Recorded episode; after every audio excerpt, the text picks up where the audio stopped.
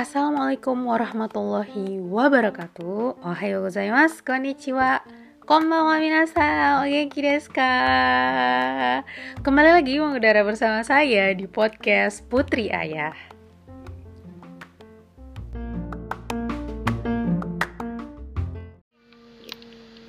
Semua gitu jadi tapi rata-rata sih kalau yang di Jepang kayaknya ayah-ayahnya yang bantu ya mau nggak mau Hmm, kan Mau nggak mau, mau nggak mau. belum tentu gitu. kan kalau pas tinggal di Indonesia gitu Kayaknya Gitu. enggak teh, saya jamin. Nggak mungkin gitu. Langsung besar makanya kepala. saya eh, yang saya khawatir apa takutkan kan itu pas kembali ke Indonesia tuh ada perubahan apa ya Iya. eh, situasi gitu makanya saya minta salah satunya juga salah satu yang saya minta itu ketika ke Indonesia nanti bukan apa ya bukan nggak mau ngurus orang tua atau apa atau apa itu mau gitu. Cuman saya ingin apa menghilangkan problem suatu saat nanti gitu kan. Apalagi di pengasuhan jadi pengennya rumah tuh ya nggak terlalu dekat gitu ada di tengah-tengah gitu kan. Iya, iya. jadi ya itu pengennya mah yang kayak gitu biar nggak terjadi hal-hal lainnya agar eh, pola pengasuhan dan gimana pola eh, dari parenting itu tetap dia diambil penuh kendalinya oleh Kang Widi sama Teh Iya. Jili gitu kan ya Teh ya. Masya Allah. kalau nenek kakek ya boleh sih nggak apa-apa yang baik-baik kita ambil gitu kan karena kan kalau kakek nenek tuh dia lebih kasihan ya kalau ke cucunya Iya benar. Jadi kayak apa aja diyaru gitu ya Teh ya, di- dilakukan gitu ya. Padahal nggak semuanya mesti diyaru gitu ya. jadi ya bersyukur aja nih yang tinggal di Jepang kesempatan gitu Masya Allah. Kesempatan ya untuk mandiri ya dalam parentingnya. gitu Wah. itu sih sehari-hari ya kerjaannya jadi banyak Berarti bagi tugas ya Teh ya. ya begitu jadi nggak sibuk-sibuk banget sebenarnya nggak yang Menarik itu. gimana-gimana gitu biasa aja Haji Mete teh denger anak tidur, saya juga tidur eh, bundanya tidur Aneh, gitu. kan? Tadi makanya kayak sempat melek gitu. Hah? Langsung melek. Hah? Eh, wait, wait, wait. Ini nggak salah denger. Iya kalau anak bangun, saya juga harus bangun kan pasti nggak bisa tidur. Mau kayak gimana juga Iya, nggak akan iya, bisa tidur, sok aja gitu. Cobain aja gitu, Logika aja Ah. sih gitu ya teh ya. sok aja gitu. Logika aja lah. So kalau gitu. kitanya harus kerja sebelum anak bangun, misalkan dari subuh kita full. Mereka bangun misalkan jam 8, jam 9. Kitanya masih aja apa kerjaan rumah nggak beres-beres gitu kan. Kapan istirahatnya yang ada uh capek gitu kan. nggak betul nanti ke depan sehari-hari itu sih yang dirasain nggak nggak bener aja sehari-hari Hmm. ada aja eh, ininya eh, apa missnya tuh ada aja gitu bikin marahnya tuh ada gitu. jadi harus tidur cukup harus eh, apa kebutuhan makan terpenuhi Eh, I know, I know teh, I know. Mm-mm, Ngerti paham. makanya ya itu sih ibu itu nggak boleh eh, apa kurang tidur dan kurang makan Satu lagi teh, nggak boleh Oh, kurang iya, iya. duit. itu sih makanya saya nggak mau pegang Biasanya bawel, nggak tahu kayak Makanya gitu. salah satu jadi tuh nggak mau pegang keuangan kan aneh ya harusnya kan istri ya yang megang keuangan ya. Istri Nah biasanya. itu jadi nggak. Kenapa mau. gitu teh? Alasannya apa? Saya eh, jadi pusing kalau ngeliatin uang. Wah ini nggak ada ya. Wah ini nggak ada. Ke mana nih kurangnya? Wah itu ngaruh itu. ngaruh apa? Eh, apa? Pokoknya ke depannya tuh ngaruh banget stres banget itu tuh. Waktu itu sih pernah ya jadi pegang. Nah semenjak apa? Kita bisa belajar finansial tuh kan awalnya tuh dapat kajian dari ini ya yang Sakinah Finance tentang pengaturan keuangan. Nah, itu mulainya ya kita mulai tahun 2000 berapa itu mulailah kita atur-atur gitu. Mulai dipos-posin gitu. Cuman pas di tahun berapa di hamilnya eh sebelum Zaid yang ketiga ya. Dengan Zaid itu yang keempat ya. Yang ketiga itu pas hamil yang ketiga itu Jili udah udah nggak mau lah ngatur keuangan pusing bikin stresor meningkat gitu. Jadi diambil aja sama Awidi. Awidi mulai belajar dari situ. Sampai sekarang Awidi yang pegang gitu. Jadi saya mah taunya duit tuh ada gitu. Walaupun dia udah bilang ini uang kita tinggal segini loh. Nanti nanti gimana? Ah, biarin aja penting mah ada saya makan ada. Jadi nggak ini. Pokoknya saya nggak mau pegang keuangan. Bikin stres gitu Masya Allah. tapi harusnya pasti perempuan ya. Tapi saya nggak nggak mau aja. Ya maksudnya maksudnya ya nggak mesti ya Mm-mm. siapa aja gitu boleh aja mau si suami ataupun si istri mah nggak ada nggak ada apa standar tertentu harus si wanita gitu kan nggak ada Iya. ya teh ya. Jadi mah bebas. Kebanyakan sih yang perempuan ya. Kita harus terkadang butuh idealis gitu Mm. teh seperti di podcast sebelumnya juga put udah pernah bilang gitu sama kamu ini iya emang terkadang kita perlu id- idealis gitu. Perlu break the rules gitu. Perlu out of the box gitu. Terkadang maksudnya nggak semua momen lah ya gitu. Ya kayak tidur di saat anak juga tidur. Put kayaknya ini bakalan jadi catatan catatan kaki terpenting ini. Jangan diturutin lah yang itu aduh lucu banget sih asli. Pokoknya itulah. Makanya aneh kayaknya kalau orang kalau tapi udah tahu sih ya kalau ibu Jili gitu kamu mah tidur katanya. Ya daripada nggak tidur tidur. Gitu. Bener-bener break the rules banget emang. Gitu.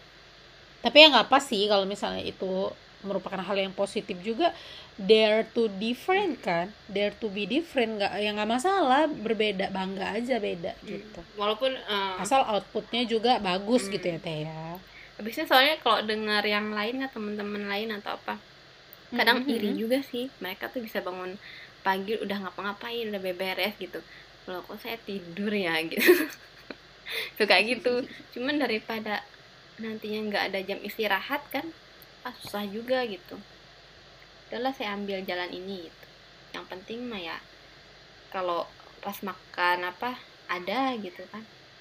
Dan nggak rewel gitu. Awidi juga kan bu- bukan tipe yang harus ada makanan gitu. Gitu. Berarti emang bener-bener em, apa ya di sini put eh, bisa ngambil highlightnya bahwasannya ini memang harus kerja sama Hmm. tim nggak bisa cuman istri doang atau suami doang gitu nggak bisa ini jadi jadi family yang eh, yang happy family gitu ya. Ber- berarti benar-benar harus kerja sama bareng. Iya makanya tuh ya, yang satu nggak boleh menuntut lebih misalnya kayak yang Teh Jili bilang kan "Oh, kalau misalnya sayanya on dari anak sebelum on terus anak on juga saya harus tetap seger terus anak tidur terus suami pulang saya harus tetap seger kan jadi udah nggak waras gitu kan. Kalau misalnya ketika dalam keadaan kayak gitu suami nggak bisa res- respect nggak bisa ngerti malah dia malah nuntut balik kan jadi rame ya keluarganya. Nah berarti memang harus benar-benar eh, gimana keadaan keluarga itu kita lihat kemudian apa kita ambil kesepakatan kesepakatan bersama terus sok bareng gitu. Ngerjainnya sama kerja sama tim gitu. Nah, iya betul. Keren sih emang. Sasuga alhamdulillah. Akibat ngaji kan teh? Jadinya ngerti gitu. ya intinya belajar. Belajar terus ya. Belajar. Cari gurunya gitu. Ngaji terus. Cari. Yang penting ada gurunya namanya belajar ya. Kita nggak bisa sendiri gitu. Baca buku tuh kan nggak kurang lah gitu. Kadang nggak ngerti gitu ya teh ya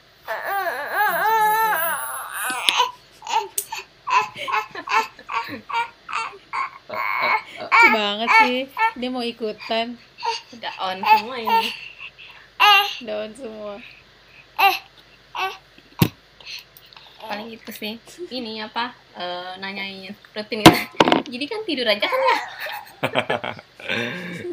Tidurin dede. Masya Allah. Nah yang penting ya apa pun itu tadi ya memang harus dikerjain bareng-bareng sih ya itu intinya. Mau bagaimanapun pola parentingnya itu setiap kazoku, setiap family kan beda-beda gitu ya. Teh. Yang penting kerja sama tim gitu. harus banget Mantep ah, mantep. ya salah satu nanti kalau mau nikah itu kita harusnya begitu gitu iya, put, put, put bikinnya kayak gitu kamu teh. eh, nanti kalau punya anak mau ikut ngasuh apa enggak gitu. Mau nyuci piring enggak gitu. Di bawah tuh put bikin tuh eh, bisa diajak kerja sama tim. Pernah tuh ditanya sama eh, Kang eh, Ucup gitu. Ini maksudnya gimana put? ya bis dia bisa jadi partner untuk kerja di bawah tekanan. Maksud ini nyari jodoh apa nyari peker, pekerjaan katanya. Ya tapi emang bener bilang kayak gitu. Kan bener kayak gitu. Mau nggak eh, bareng-bareng gitu. Maksudnya ya kita kan Korekara bakalan jadi kazoko jadi partner gitu jadi pasangan suami istri. Nah kita harus berani break the rules gitu nggak nggak harus jadi kayak em, apa namanya ngikut orang lain gitu teh. Maksudnya gitu tersutawaru nggak sih apa yang Iya. bilang? Maksudnya kayak gitu ya kita nggak harus jadi kayak suami istri yang lain Hmm. gitu ya. Enggak kita nyesuaiin kita yang karakter masing-masing tuh gitu bisa enggak mau enggak kerja sama tim? Gitu. bisa enggak kerja di bawah tekanan? Itu buat masukin di dalam CV soalnya penting banget soalnya iya kan teh? Bener kan? khawatirnya itu gitu. Bener. Ketika bu, dia kan menikah itu kan bukan buat jadi suami kita doang gitu. Tapi kalau udah punya anak masa Mm-mm. kayak gitu lagi mau gitu aja gitu kan? Ya beda lagi lah perannya gitu Mm-mm. Karena kita bakalan punya peran-peran ganda gitu, peran jadi menantu, peran Uh, jadi mantep ya. misal kakak ipar, adik ipar kan banyak kan teh jadi peran-perannya kan banyak nambah. Perannya nggak cuman suami dan istri, ayah ibu iya, terus menantu iya, kakak ipar iya, jadi adik ipar iya kan gitu ya, jadi banyak peran gitu. Kalau kita misalnya nggak bisa kerja sama tim, nggak bisa teamwork, dia nggak bisa kerja di bawah tekanan juga, ataupun kita sebaliknya nggak bisa kerja di bawah tekanan ya udah ambiar. Pot di Pot diketawain sama Kang Ucup kayak gitu pas pas baca CV kayak gitu. Iya ya beneran ini nggak nggak bohong kayak gitu. Karena Pot orangnya itu ya cukup apa ya dibilang visionaris ya nggak juga sih ya. Cu- cuman kayak gitu gitu kalau plannya A iya kayak gini ayo gitu. Nggak bisa nggak bisa tipe orang yang nggak bisa nggak punya plan gitu teh. Hmm. kayak gitu sih. Gitu makanya kalau nggak bisa diajak kerja sama ya udah jangan jangan sama gue. Gitu bagus bagus. Ya itu tadi idealis. Ya perlulah idealis romantis lah Tapi emang penting banget sih ya, apalagi eh, untuk kita yang hidup di Jepang dan di zaman sekarang gitu kan saat eh, edukasi itu emang mudah banget kita dapat dari apa aja kan. iya benar-benar Apalagi kalau di Jepang kan kita nggak bisa nge-hire dalam tanda kutip pembantu misalnya atau eh, ini. Jadi kalau semuanya eh, urusan keluarga, urusan rumah tangganya dibebankan ke istri, itu kan juga kayak seolah istri eh, kerja 24 jam dong sehari gitu. Dia iya ngurusin anak benar-benar juga, ngurusin rumah juga, ngurusin apa juga gitu kan. Sedangkan kalau di Indonesia mungkin kan kita bisa menghayar eh, pembantu ataupun apa gitu kan. Makanya kalau pengen hidup di Jepang dan ini mah kayaknya memang eh, kriteria atau misalnya eh, apa ya eh, ini yang Putri cantumkan itu memang harus jadi sa- salah satu syarat wajib sih ya. iya benar wajib kudu mesti. Jangan sampai paradigma lama misalnya eh, suami iya itu taunya pulang ke rumah beres terus Iya, eh, udah disediain makan udah disediain apa-apa gitu kan sebenarnya ya kurang kurang pas juga lah misalnya. Kita kita yang ada di Jepang atau misalnya hidup di era ini gitu Mhm. karena udah banyak insight tentang parenting juga Iya banyak benar-benar. Jadi kalau misalnya paradigma lama itu kalau memang tidak eh, apa namanya tidak efisien untuk kehidupan yang sekarang ya nggak masalah juga untuk kita break the rules gitu kan ya. iya iya Yang penting gimana gimana cocoknya di keluarga itu gitu. iya kan, juga ya. nggak nggak keluar dari koridor eh, agama gitu Iya itu itu itu adalah eh, Standarnya. standar ben- salah dan benar yang memang paling ini gitu. malah sebenarnya ya eh, saya juga ya insightnya dari Jili ya jadi memang eh, suami itu kan bertanggung jawab menafkahi ya pengertian nafkah di sini tuh bukan hanya sekedar nafkah harta tapi juga mencakup ke eh, sandang pangan papan nah pangan ini itu tuh katanya sih adalah kewajiban suami untuk memberi makan anak dan istrinya. Jadi urusan masak sebenarnya adalah urusan suami gitu loh.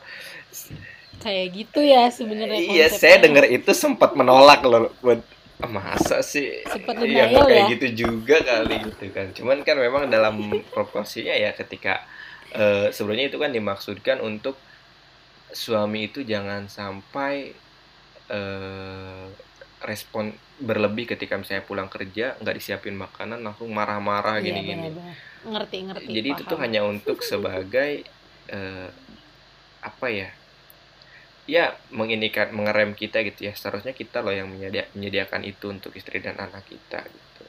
Untuk para lelaki nih gitu kan. Jadi jangan dalam art dalam artian eh, bisa gini ya Kang. Kita bilang bahwasannya ketika kita sudah paham konsep yang namanya menafkahi dalam eh, apa namanya dalam poin eh, pangan tadi adalah kita nggak langsung histeris ketika kita pulang ke rumah dalam kondisi istri belum eh, mempersiapkan atau keadaannya eh, karena ada satu dan lain hal tidak bisa menyiapkan jajang gitu makanan udah terhampar hangat enak gitu Iya, siso gitu. Nggak langsung horor marah-marah terus ah gitu ya. saya kan padahal capek kerja kadang-kadang kan bisa kayak gitu. Iya langsung kayak gitu udah langsung ini gitu ya. Bahasa Indonesia apa sih ya? Udah langsung keakuannya tinggi eh, gitu ya. merasa memang dia yang paling capek gitu kan tapi emang di awal-awal eh, membangun rumah tangga emang pastilah ada ego-ego kayak gitu gitu kan. Pastilah ya, saya kan udah capek kerja ya. dong butuh waktu mid time apa gitu kan. Bla bla bla. Cuman eh, pernah sih baca beberapa ini juga kan beberapa cerita juga nih misalnya di kayak di internet gitu. Eh, ada satu Hmm. cerita ketika itu suaminya datang dia tuh ngomong gini ke apa ke istrinya tuh. Kamu tuh ngapain aja sih di rumah Ah, itu. lalu besok hari "Nggak- ngapain aja sih? Rumah kok gini? Rumah berantakan ini ini ini gitu kan bayi ini. Esokan harinya si suami pulang kerja lagi nih dan dia melihat udah lebih bercocoran lagi si eh, apa namanya anaknya udah kotor gimana terus wah semua isi lemari keluar semua botol kecap apa gitu keluar gitu kan. Tapi dia tanya eh loh kok kayak gini banget sih? Marah-marah kan terus istrinya ngebalikin. Ya ini yang biasa saya lakukan setiap hari itu gitu. Membereskan ya semua itu ya. Kalau misalnya nggak saya nggak ngapa-ngapain ya jadinya kayak gini gitu loh dibalikin gitu loh. Jadi kan Mhm. ah kayaknya gimana gitu. Sempet di awal-awal misalnya pas eh, punya Shauki nih anak pertama itu eh gimana ya? Melelahkan juga memang. Kadang kan eh, ya saya coba ngasih waktu me time buat Jili nih. Saya bawa Shauki keluar. Berdua aja kita berdua. Saya keluar waktu pas umur satu tahun itu. Emang kadang kalau terlalu lama bermain juga eh kayak gimana gitu kita ke ke anak tuh gitu.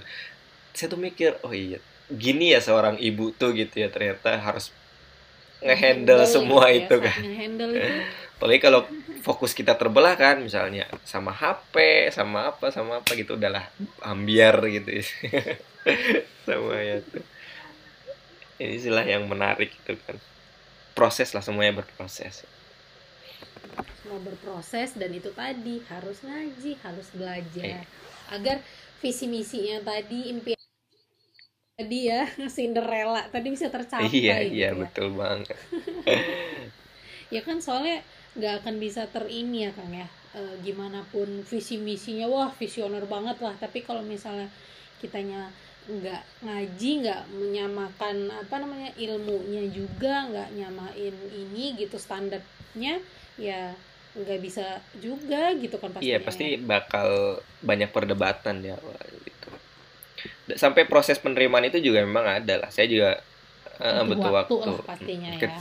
karena kan kita dibesarkan di ya dengan paradigma yang Iya. lama ya jujur-jujur aja pastinya ya kang ya. Jadi kita udah terbentuk kang kaku kang gaya katanya Iya, gitu. betul. perempuan tuh begini laki-laki itu begini gitu Mm. laki-laki tuh begini Mm, gitu Betul banget. Tapi memang kalau kita buka eh, siroh gitu ya, buka sahabat juga kan memang ada banyak hal juga cerita-cerita yang misal eh, ya untuk menenangkan hati lelaki tuh kan. Kadang kalau kita berkaca misal ke cerita Umar bin Khattab ketika ada satu orang sahabat yang ingin mengadukan soal istrinya yang sering marah-marah di rumah istrinya datang ke rumahnya Umar bin Khattab gitu kan ternyata pas di rumah Umar bin Khattab juga lagi dimarahin istrinya Dimarahin. dan dia itu seorang yang sangar kan yang sangar yang tegas gitu Iya. kan tapi ketika dimarahin dia diem gitu kan Dia Diem. diem. akhirnya sampai eh, Umar bin Khattab keluar dan dia menanyakan sahabat kamu punya masalah apa enggak masalah saya sudah selesai katanya. Ternyata ini aja kayak gitu. Terus ya ditanyakan ke Umar bin Khattab kok kamu diam aja? Gitu ketika istri kamu yang kayak gitu. Ya Umar bin Khattab bilang gitu apa yang istri saya lakukan mengurus semua ini tuh lebih capek dengan apa lebih jauh lebih capek dengan dari apa yang ini yang saya lakukan. Gitu. makanya eh, apa ya ya ketika dia ini ya biarkan dia meluapkan ininya gitu Dimaklumi aja. iya intinya gitu kan. seperti itu gitu. Itu kan tahu sendirilah Umar kita gimana kalau ini aja mainnya pedang kan sangarnya kurang sangar apa gitu. tapi ketika eh, di depan istri dia bisa merendahkan dirinya gitu kan bisa merendahkan ya mengindikan posisinya gitu. Ya ketika belajar ngelihat ke sana juga ya untuk apa sih kita terlalu egois gitu kan. Meskipun memang kadang-kadang ya tetap aja lah yang namanya. Kita sebagai suami kan kadang merasa gimana gimana gitu mah ya itu bumbu-bumbu lah Bumbu-bumbu lah. Masa lurus-lurus Iya. aja. Ya kan? nih ngomong-ngomong umat jilinya lagi gantian sip nih lagi Iya kan. Ngurusin. Itu harus itulah yang namanya tadi Kang harus bisa kerja sama tim. Kalau nggak kayak nggak bisa produktif, nggak bisa bikin konten. iya makanya kenapa sebelumnya juga kenapa kita ngambilnya after subuh yaitu biasanya waktu yang paling tenang yang paling ini cuman hari ini ternyata ada cash di luar ketenangan kita dua anak kita terbangun dan ya ikut melengkapi pagi inilah Masya Allah. Nah ini satu pertanyaan nih Kang yang belum ditanya. Next planningnya itu bakalan gimana? Apakah bakalan stay di Jepang terus eh, dengan membesarkan anak di sini terus? Atau ada planning-planning luar biasa lainnya yang mau di-share ke teman-teman yang ngedengerin podcast kali ini gitu? Deep Talk kali ini. Emang gak Kang? oke mungkin saya yang jawab ya karena jilinya lagi nggak ada I- kayaknya masing-masing dari kita punya impian dan punya mimpi eh, ya koridornya tetap sama tapi ada poin-poin hal yang berbeda gitu saya coba ambil dari perspektif saya Eh, pertama mungkin Hmm. target kita sampai umur 40 tahun ya sampai 40 tahun di Jepang Eh, pertimbangan kita adalah eh, anak juga mungkin anak nggak akan sampai SMP SMA di sekolah di sini lah ya mungkin ya maksimal kalau SMP pun eh, SMP 1 kelas 1 atau kelas 2 gitu. Atau misalnya kelas S- SMP kelas 6 S- SD kelas 6 itu udah pengennya sih udah selesai gitu. Takutnya eh, ya pergaulan lah ya kita eh, Mm-mm. beberapa ngobrol dengan beberapa senpai atau beberapa eh, ustadz lah yang udah memang udah lama di sini gitu. Biasanya untuk udah ke masa balik mereka mereka eh, ya mas mem- mem- mem- membawa pulang anaknya gitu ke Indonesia terus eh, mungkin untuk mimpi ke depannya kalau saya ya saya pribadi ya tentu bagaimana yang mendidik anak lah ya. Mendidik anak eh, insight. Bisa belajar banyak juga tentang parenting. Terus ya kerjasama lah mudah-mudahan bisa mempertahankan ya mempertahankan keluarga ini. Karena eh, satu yang saya dapat juga mempertahankan keluarga itu bukan sesuatu yang biasa loh tapi sesuatu yang luar biasa. Jadi orang-orang tua kita yang dahulu mereka bisa mempertahankan keluarga sampai kakek nenek itu itu sebuah effort yang luar biasa. Bagaimana mereka itu bisa menahan ego-ego mereka gitu. Ego-ego ya ketika misalnya suaminya seperti ini dan istrinya seperti ini gitu. Karena mungkin orang dulu ya memang plek gitu ya dengan paradigma dulu tapi Mm-mm. ya itu mungkin salah satu positifnya gitu sehingga mereka dengan mudah eh, bisa apa ya mempertahankan gitu mereka mempertahankan misalnya kayak ya yang namanya perpisahan perceraian itu kayak sesuatu yang masih gimana gitu masih Iya iya. Benar-benar tabu, tabu. gitu ya. kalau ya di era sekarang ini kan itu adalah satu pilihan juga gitu kan apalagi di masyarakat modern gitu makanya mempertahankan sebuah rumah tangga itu memang sesuatu yang sangat luar biasa gitu. Apalagi pasti ada berbagai krisis lah krisis-krisis. Setelah umur 30 tahun setelah umur 40 tahun itu kan ada krisis-krisis sendiri gitu. Nah ya mungkin harapan saya saya mudah-mudahan bisa tetap mempertahankan keluarga ini sampai kakek Amin, nenek gitu kan. Bisa terus belajar di keluarga kecil ini bisa terus eh, berkembang ya. Bisa terus menghasilkan sesuatu yang produktif gitu kan. Meskipun ya nggak mau nggak nggak usah muluk-muluk sih tapi ya kayak hal-hal kecil macam kayak gini gitu kita sharing-sharing kayak gini mudah-mudahan tetap bisa berlanjut gitu. Tetap bisa berlanjut ya, Kang. untuk ya rencana ke depannya sih eh, ya kita tetap bisa ngasih manfaat lewat misalnya Ikro Bookstore tetap bisa ngasih manfaat lewat Robani Japan juga Ikro Sajadah gitu konten-konten kita eh, ya bisa memberi manfaat yang besar lewat apa yang eh, ya kita kerjakan. Terus tumbuh kem- kembang anak-anak juga baik terus insight yang kita dapatkan juga makin baik. Terus mungkin nanti setelah misalnya eh, ya goal-goal finansial kita juga mudah-mudahan bisa tercapai dengan baik. Nanti misalnya setelah ya target di Jepang 40 tahun kita pulang ke Indonesia eh, kita bisa mulai lagi atau eh, next target kita lah ya saat ini kita juga udah punya lembaga pendidikan ya di Indonesia itu sebuah TK TK Rohman. Eh, nanti mungkin pengennya sih ketika pulang setelah saya di Jepang ya kita konsen di sana gitu kan karena eh, Jili juga senang banget soal parenting soal anak-anak gitu kan soal pendidikan juga. Jadi mungkin kita pengen lebih menghabiskan waktu di sana di buku juga. Pengen ya impiannya pengen bikin perpustakaan pengen bikin eh, taman bermain yang apa ya yang yang baik lah untuk anak-anak di desa gitu kan ke depannya sih pengennya kayak gitu, gitu. ya mudah-mudahan bisa tercapai lah Amin amin mudah-mudahan dimudahkan gitu amin planning planning master plan-nya. Amin, amin amin. Mantep nih Kang, saya langsung. Saya kapan ya giliran saya? pasti lebih lah kalau Putri bisa lebih Lebih, lebih lompatannya Aduh. lebih tinggi lah dari kita gitu kan serasa apa secara udah berkarya di sosial media ini kan lebih panjang dari Apa kita sih? ya kan kunci kunci di Iya, zaman iya, sekarang Masya ini kan ketika kita bisa eh, apa ya salah satunya kan sosial media kita bisa menggunakan dengan baik menghindari toksiknya dengan baik juga bisa manfaatkan dengan baik pasti kan impactnya juga akan lebih besar gitu. Saya yakin ini Amin amin insya Allah. Doain Kang. amin. Kita ikut mendoakan. Mohon bantuannya gitu. Untuk bisa ini deh eh, membersamai mengambil andil untuk mencetak eh, generasi ini. Robani penakluk gitu. Iya generasi Robani takluk Konstantinopel Loh, itu kan udah taklukin Roma Kan? ya berikutnya. Roma yang belum. Hmm, Bisyarul Rasul yang belum ini Roma. Iya, ya kita nggak tahu bisa aja di tangan eh, anak cucu amin. kita ya gitu. mudah-mudahan generasi kita Amin, berikutnya bisa. Sip.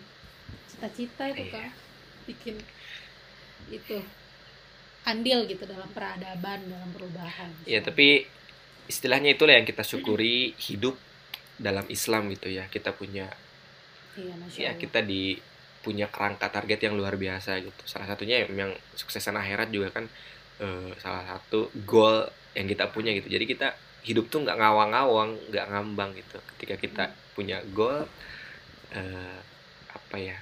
Ya apa yang hidup kita itu akan lebih ter inilah terarah gitu dibanding misalnya hidup tanpa goal ya ngerti sendiri lah ketika misalnya lihat lingkungan orang-orang di Jepang ataupun apa gitu kan. Jadi soalnya seolahnya tuh ya eh, gimana ya kayak ada ada yang kurang gitulah ya lihatnya tuh. Alhamdulillah lah itu yang saya sangat syukuri gitu. Kita terlahir di keluarga Islam ya keluarga Muslim. Wah bener-bener deep talk ini Kang. Bener-bener percakapan yang cukup dalam cukup masya Allah sampai bingung mau komentar apa. Alhamdulillah mudah-mudahan ada manfaatnya ya. Alhamdulillah. Cuap-cuap kita. amin. podcast terlama ini Kang dalam sejarah. Kok kayak kemarin dua jam ya? Dua jam dua Iya. topik lagi. Jadi berarti ini dibagi Kita bagi dua topik gitu. lagi. bisa juga. Insya Allah. Oke. Mungkin gitu aja kali ya Kang ya. Eh, bisa untuk kita share di podcast kali ini di konten Deep Talk, Deep Talk. bareng uh, owner Robani Jepang. Masya Allah semoga teman-teman yang ngedengerin dan khususnya juga saya gitu untuk bisa mengambil insight-insight baru, kemudian bisa menerapkan oh kayaknya ini dicoba boleh juga nih. Nah kalau misalnya ada hal-hal seperti itu dalam percakapan ataupun podcast kali ini, ya semoga bisa diambil hikmahnya, semoga di, bisa diuji coba juga ya. Yap. bisa ya kalau ada kebaikan di dalamnya silakan buat teman-teman eh, coba tetap eh, boleh teman-teman tiru dan jangan lupa di share Iya. ya Kang ya oke eh, closing statement dari Kang Widi silahkan Kang Ya kalau dari saya sih nggak ada yang sempurna ya dalam hal apa pun. Begitu juga eh, kita dan saya dan Jili dan keluarga pasti banyak sekali kekurangannya gitu. Tapi yang penting kalau misalnya ada sesuatu yang misalnya hal kecil yang bisa menginspirasi atau misalnya bisa diambil kebaikannya silahkan diambil. Tapi eh, yang jelek-jeleknya tolong buang jauh-jauh gitu karena masih banyak sekali kekurangan juga kita juga masih belajar gitu mudah-mudahan sharing ini bisa menjadi manfaat untuk teman-teman ya eh ya meskipun dalam perjalanannya eh, tiap orang karakternya berbeda tiap orang juga punya kondisi yang berbeda jadi jangan sampai harus plek sama misalnya dengan apa yang kita jalani tapi nikmati proses yang ada di teman-teman eh, ya di kehidupan teman-teman semua gitu. Karena pasti kondisinya berbeda prosesnya juga berbeda pasangan juga pasti berbeda tapi eh, intinya tetap semangat untuk belajar juga tetap semangat untuk mengertikan satu sama lain ya. Karena itu sebuah proses yang sangat panjang lah nggak mungkin bisa eh, instan didapatkan setelah ijab kabul kita bisa plek mengertikan semuanya itu nggak mungkin. Justru setelah ijab kabul itu adalah proses belajar kita. Biasanya manis-manisnya tuh sebulan dua bulan udah ke sana itu akan banyak hal perbedaan dan Struggle struggle gitu ya. Itu yang yang eh, memang mas- mengharuskan kita untuk membuka lagi literasi yang banyak untuk belajar lagi yang banyak dan untuk menyiapkan gelas kosong tentunya. Jangan sampai eh, kita saklek di satu hal dan terjadinya nanti malah perdebatan terus tanpa arah. Nggak apa-apa kita berdebat secara sehat tapi ya tentukan tujuan kita lah intinya. Kalau tujuan kita udah sama antara suami istri insya Allah dalam perdebatan itu juga eh, akan ada titik temu titik temu yang bisa eh, menyatukan visi misi kita lah. Mungkin itu saja dari saya pribadi. Masya Allah benar-benar. Aduh sasuga lah pokoknya dari SMP mah. Masya Allah. Barokah buat eh, Kang Widi Teh Jili anak-anak sehat Amin. semuanya Eh, sukses juga untuk eh, Ikro Bookstore Bani Jepang apalagi Kang Ikro Amin. Sajadah terus Ikro uh, sejar podcastnya finansialnya terus berbagi pokoknya amin mantep dah mantep amin amin Insya Allah semoga uh, kita bakalan ada semoga dikasih rezeki untuk tetap bisa bikin konten-konten uh, bermanfaat Amin. lainnya. Tetap ada deep talk selanjutnya ada apalagi after subuh tentang finansial lainnya okay. gitu ya. ya. So kyomade eh warini shioka. Warini shimasyo nagasugite. Nih. ね、すいません、え、長く、え、してしまいました。はい。え、以上です。ありがとうございました。お疲れ様でした。よろしくお願いします。はい。さあ、マイクもらうおはようます。